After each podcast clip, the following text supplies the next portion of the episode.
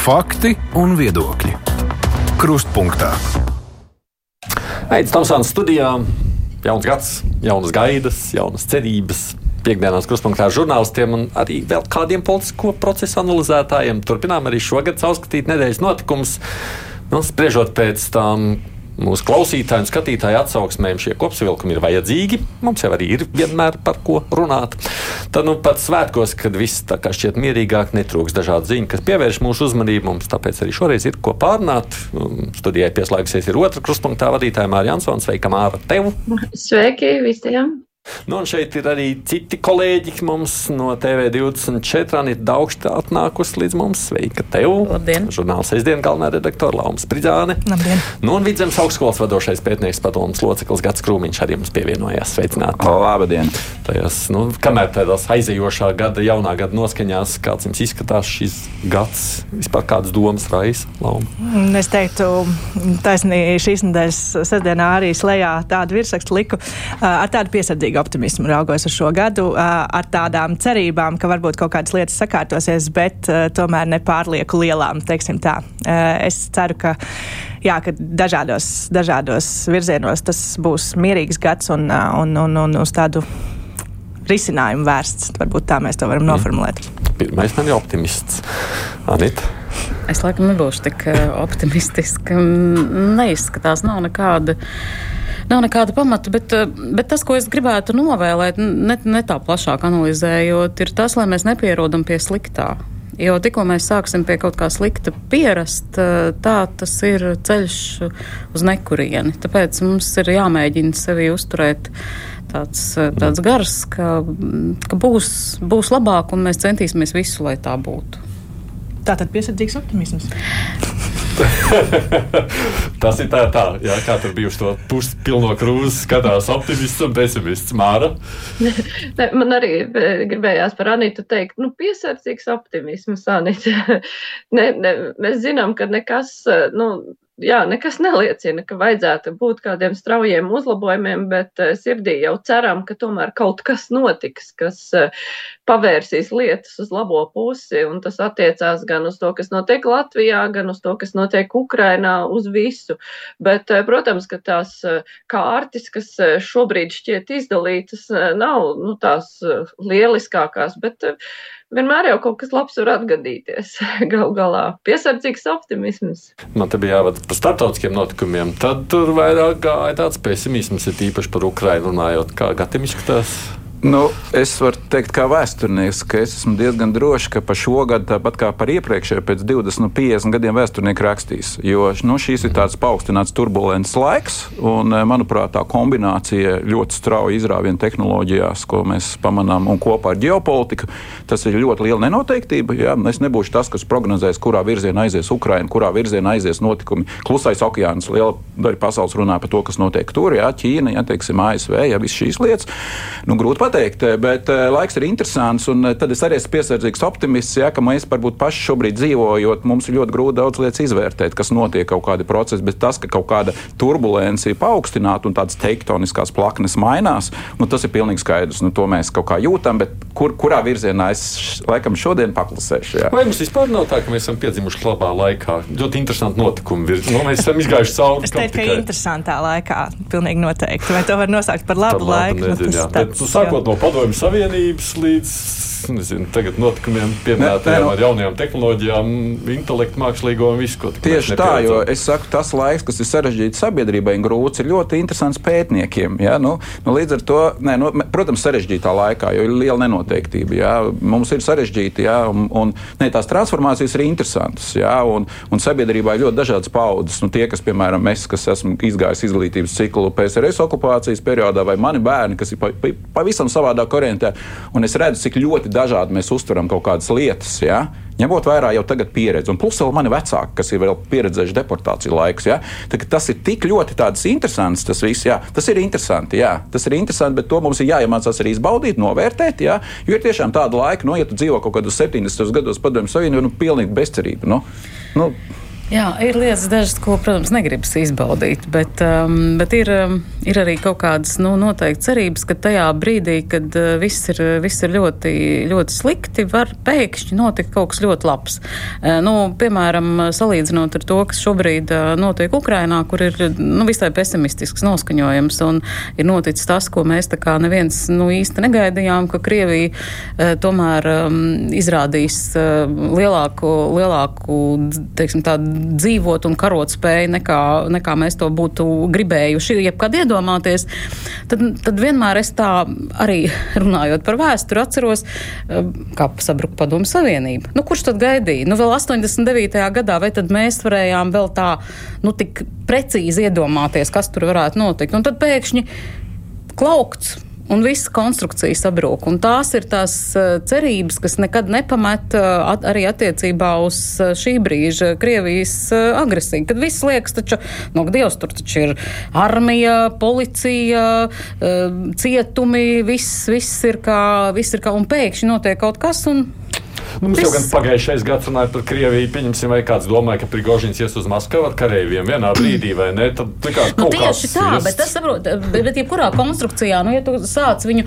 nu, kaut vai drusciņu, kaut vai tu tur pāris, kā tu zini, kuras skrūve būs liktenīgā. Nu, tu vari mēģināt tik pa brīdim izskrūvēt, pa vienai, pa vienai, pa vienai. Nu, varbūt tev gadus 20 nekas nenotiks, bet pēkšņi 21. gadā tev kaut kas.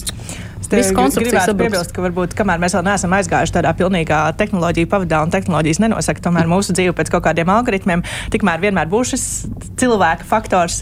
Un uh, reizēm tas nāks par labu, reizēm par sliktu. Un uh, kurā brīdī kā nospēlēs, tas līdz galam nekad to nevarēs prognozēt. Es domāju, ka cilvēka faktors būs arī tehnoloģija laikmetā. Tāpat ir īpaši kara kaut kāda. Nu, viņi mācās no mums, līdz ar to arī tehnoloģijas. Jā, jau ir sākuši melot. Jā, un šķietam pieņem emocionālus lēmumus, jā, un, un neizsvērts.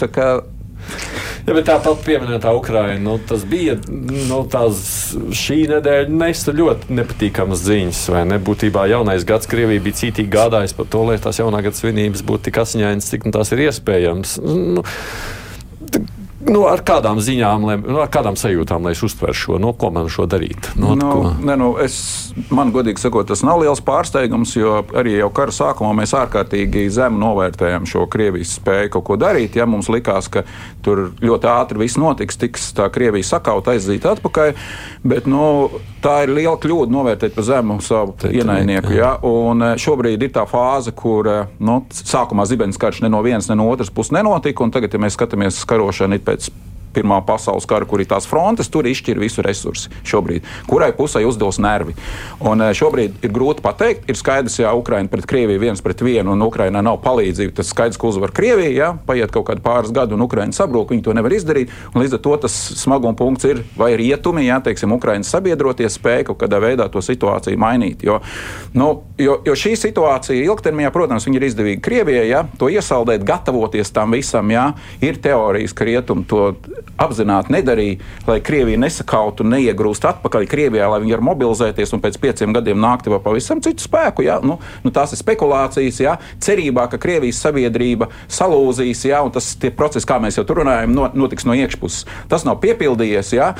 Krievu cilvēks ir gatavs izmantot savu, savu toleti, un tad pašā laikā, ja atbalstīt šo visu, viņi ir savādāk mentāli. Tā bija milzīga kļūda skatīties uz Krievijas sabiedrību no mūsu pašu perspektīvas. Un, nu, šobrīd es teiktu, ka ir arī Krievija. Nu, mēs skatām par tām pašām raķetēm. No vienas puses, teikt, jā, nu, no otras puses, Krievija mierīgi varēja palaist tās pašas raķetes uz kaut kādiem eh, nu, apdzīvojumiem rajoniem un nu, iznīcināt kaut kādus 20,000 cilvēkus. Ja? Nu, arī šajā gadījumā mēs skatāmies, ka Krievija jau vēl neiet tanī, teiksim, uz, uz māsu iznīcināšanu, jo viņi apzinās, ka tas gan varētu Ukraiņus saliedēt.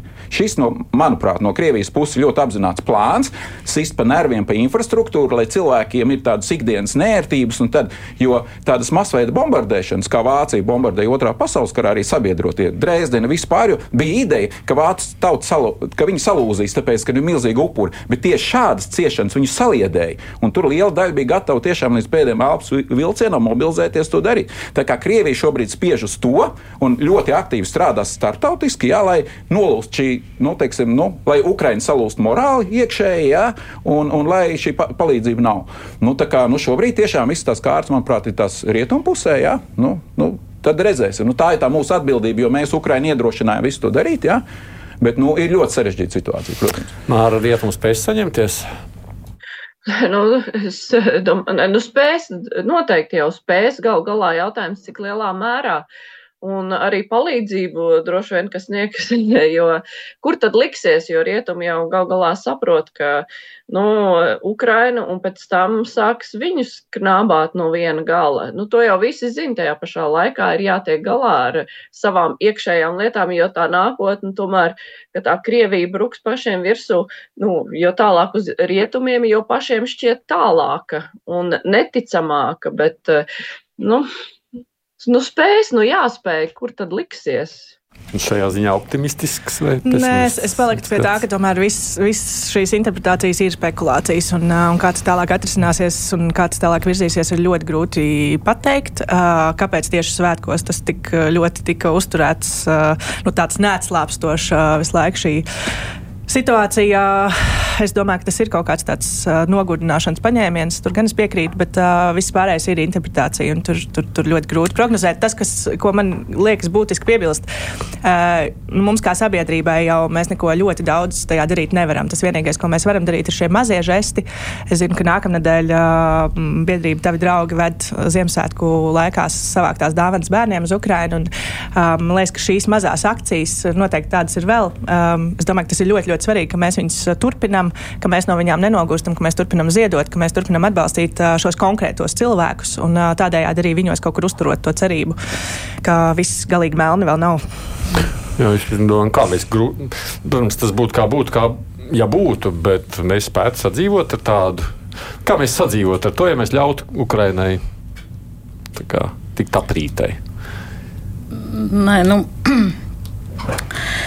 Mēs ar to nesadzīvotu, bet, bet, bet tā būtu tāda, nu, teiksim, tā mūsu iekšējā problēma, jo, diemžēl, tas attiecībā uz to palīdzību, to rietumu palīdzību, es diemžēl nebūtu uh, tik ļoti optimistiska, tāpēc, ka tas, kas ir vajadzīgs um, Ukrainai, no vienas puses ir, jā, ir militāra palīdzība. Eiropai šobrīd uh, nav ieroču vairs, ko iedot, būsim godīgi un objektīvi nav. Uh, tāda ieroča ir ASV, ASV atrodas ļoti tajā priekšvēlēšana situācijā. Uh, lieta, ko Ukrainai mēs iedot nevaram, uh, nu, vismaz Latvija visticamāk, pilnīgi noteikti nē, ir cilvēku resursi.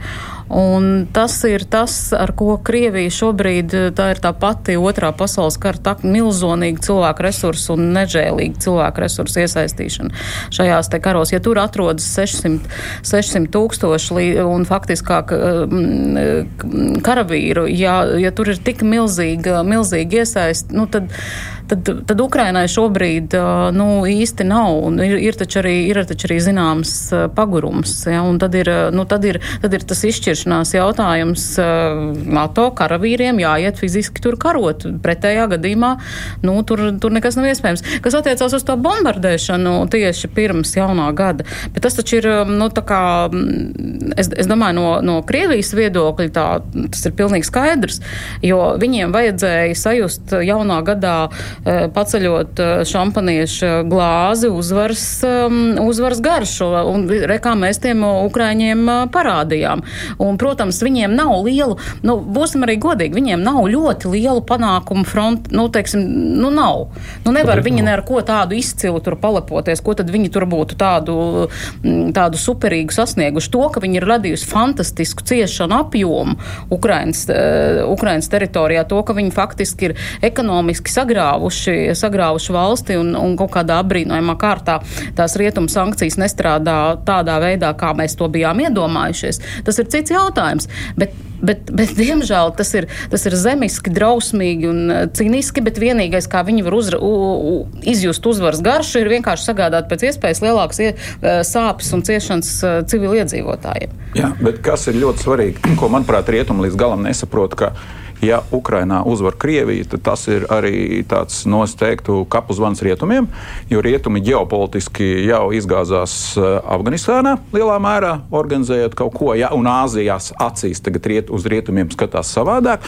Un šajā gadījumā, ja rietumi nespēs novērst Krievijas, kas ir no visas pasaules skatoties salīdzinoši ekonomiski vāja valsts, jā, militāri liela, un ja rietumi tiek pārspēti ar visu šo pompozitāti, kā mēs tur palīdzam, darām, nu tad sveiki. Tagad jau liela daļa pasaules jau uz rietumiem skatās savādāk. Ja mēs skatāmies, teiksim, tā koalīcija, tur, ja, teiksim, NATO, ja, plus Eiropas Savienība, nu, ko mēs skatāmies tur klāt vēl, tur, tas uzreiz sitīs gan pa Japānu, gan, nu, teiksim, pa visu šo. Es domāju, ka tādai e, globālai rietumu kopienai šis ir ārkārtīgi svarīgi no reputācijas jautājuma, un to, manuprāt, liela daļa no politiķiem nesaprot. Jā, nu. Un es te solīju klausītāju raidījuma sākumā, tad, kad vispār Latvijas radio pieteica šo šīs dienas tēmu, sacīja, nu, ka es mazliet paklausīšos arī, ko ļaudis zvan, būt viņiem, kas tēmats šķiet būtisks. Man te vesela virkni zvanīja par 31. decembra uguņošanu. Tas mazliet sasaucas ar mūsu šīs dienas tēmatu, sakot, ka Rīgā, piemēram, esot ļoti daudzi šāvuši gaišā raķetes, pulksten 11. tātad svinējuši pēc Krievijas laika. Manā galā es to nedzirdēju, bet droši vien, ka varētu būt dažādās vietās dažāda situācija. Ko ar šo darīt? Ko ar šo darīt. Cilvēki mums vien klausītājs sacīja, nu, ka te kaut kā vajadzētu reaģēt. Šis, šis temats tiešām ārkārtīgi sasaucās. Ja mēs atceramies, pirms jaunā gada Jurģim Liepniekam bija intervija ar Jānu Sārtu, kurš bija izteicies, ka Putina, viens no Putina iespējamiem mērķiem varētu būt ieņemt Baltijas valstis bez militāras operācijas. Nu, ko tas pēc būtības nozīmē, ja mēs atsaucamies uz to pašu vēsturi? Tas nozīmē, pirmkārt, tas ir lielvalstu vienaldzība, jeb iekšēja vienošanās, kad mēs te neiesim kaut kādas tur, es nezinu, zilupas dēļ plēst plēsties. Otrs, tas ir nepieciešama ļoti liela piektā kolonna. Piektā kolonna tajā valstī, kuru viņi tad taisās ieņemt bez tās militārās um, operācijas. Un tas ir, nu, tas zināmā mērā šis, ir šis jautājums, vai mēs um, pagājušā gadā vai mēs šajā gadā spēsim kļūt par tādu iekļaujošāku sabiedrību, kurā uh, šīs nosacītās piektās kolonnas ietekme ir uh, mazāka. Nu, bet Ko mēs būtu varējuši darīt 31. decembrī? Nu, ko? es domāju, ka Ukrainā redzēju, kādas tur sašņorēja. Nu, labi, tur ir karš, tur visā citādi sašņorēšana tikai aizdzen, kā saka, pagrīdē. Nu, nu, mēs esam nu, šobrīd, nu, tā jau ir savā ziņā kara komunikācija, ir balts un melns, jā, un tas tolerants līmenis tīri objektīvi visās mm. lietās ir zemāks. Līdz ar to, ja mēs gribam to izskaust, mums ir jārīkojas tāpat kā ar pieminekļiem, tāpat kā ar krievu valodu. Ja mēs to gribam, jo katrā ziņā, nu, es arī Lēdurgā nedzirdēju no Lēdurgas klausoties, jā, nevienu šāvienu nu, pulkstenis 11. Ja, nu, tas ir vidzemes centrs un tā, bet es atceros 90. gadus, kad es studēju, kad es dzīvoju Purciemā. Es nedomāju, ka kaut kas ir mainījies, godīgi sakot. Tas, ka cilvēki izliekās un ir palīduši pagrīdē, ja, nedod Dievs būs situācija, ka viņiem būs iespēja izpaust savu īsto viedokli, plus vēl viņiem ir aizvainojums par to, kas šobrīd tiek darīts. Ja. Es redzu, cik grūti ir zinātniekiem dabūt patiesu informāciju dažādās aptaujās, intervijās, ja, e, ievākt kvalitatīvos datus, tāpēc, ka cilvēki vairs nestāsta to, e, ko viņi domā domā. Ja? Un tagad mēs esam tādā apgrieztā, ka mani vecāki man stāstīja, ka tu nestāsti par to, kādas tev ir grāmatas mājās skolā, jo nedod Dievs, kādas dzirdēs. Un es domāju, ka tagad pilnīgi citās ģimenēs notiek tas pats. Un tas ir milzīgs risks. Es nezinu, ko ar to darīt. Tā ir tāda normāla blakne e, tādai nu, pirms kara vai kara situācijai. Nu, sabiedrība ir sašķelta, un te mēs redzam tos reālos rezultātus. Ja mēs gribam to izskaust, jā, tad jāpieņem lēmums, ka nedrīkst. Jā, Nedrīkst tajā, tajā laikā to darīt, nu, to skaidrojot. Nu, jo, jo es domāju, ka, ja pateiktu šaujiet, kurš gribot, tas būtu desmit reizes vairāk tas blieziens noteikti. Nu.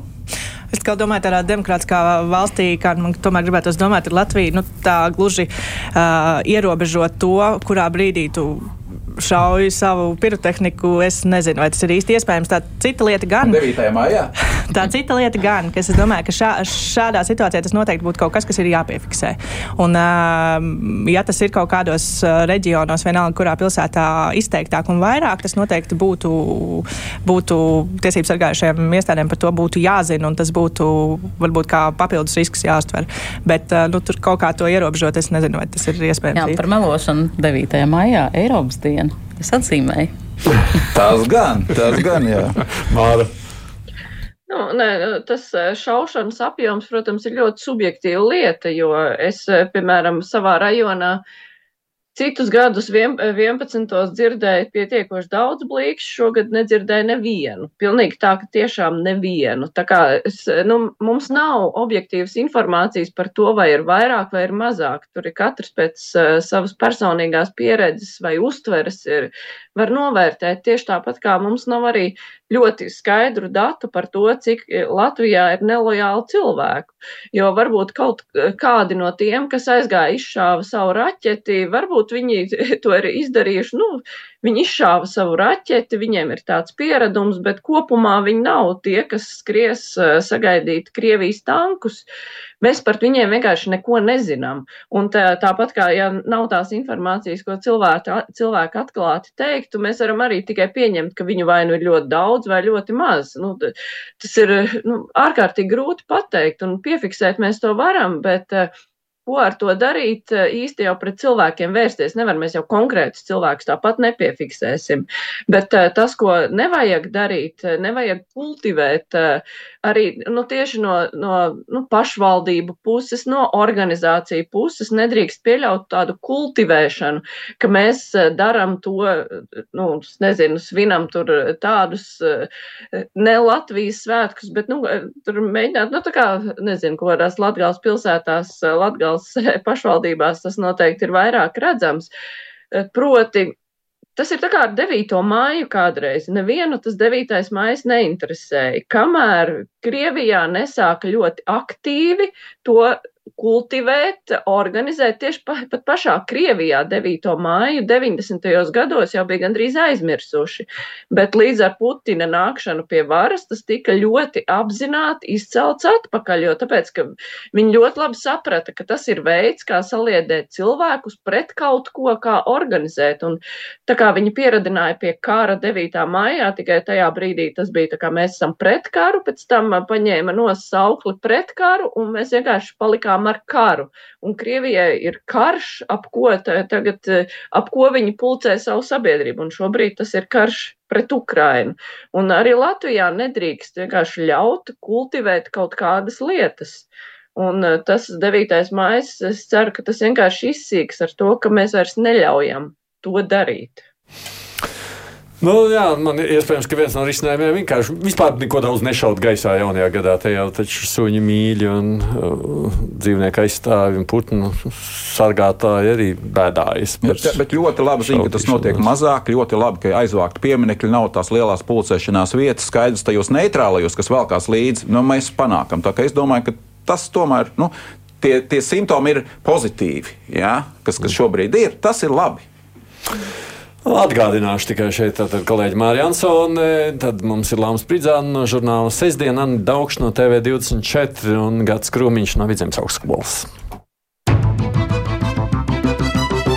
Raidījums Krustpunktā tā, kuru nākamo tematu man izvēlēties. Saules ārā, tur laikam nav ko daudz apspriest. Tādā ziņā paliks augsts. Nākošajās dienās bija augsts, bet nu, viena lieta šķiet ar salu saistīta, kas radīja galvas sāpes ļoti daudziem vilcienu pasažieriem. Jo nu, daudzi palikuši vai nu uz perona, nesagaidot savu vilcienu, vai tur sēž augstā vilcienā, kurš nav vairs iedarbināms. Šodien arī skatījos, bija vairāk vilcienu, kas gāja krietni vēlāk nekā ierastajā sarakstā paredzēts.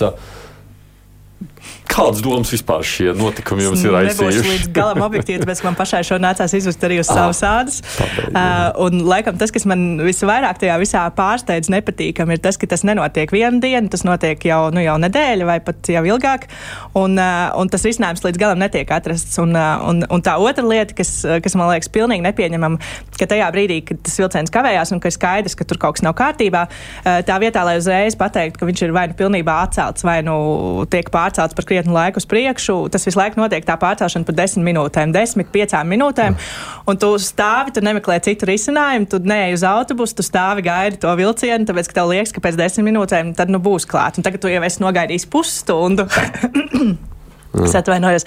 Tad iet prom jau liekas, jau, jau pavisam nepareizi. Tā kā jā, tur, tur kaut kas gan komunikācijā, gan, gan tajā tehniskajā pusē es īsti nesaprotu, kāpēc pēc pirmajām dienām, kad bija skaidrs, ka šādas problēmas būs un ka viņas uzreiz netiek atrisinātas, kāpēc tur netika atrasts kaut kāds um, paralēlais risinājums, vienalga vai tie ir autobusi, kas tad brauc tajā maršrutā vai vēl kaut kāds cits uh, variants, bet, bet jā, man tas īsti nav saprotams. Un...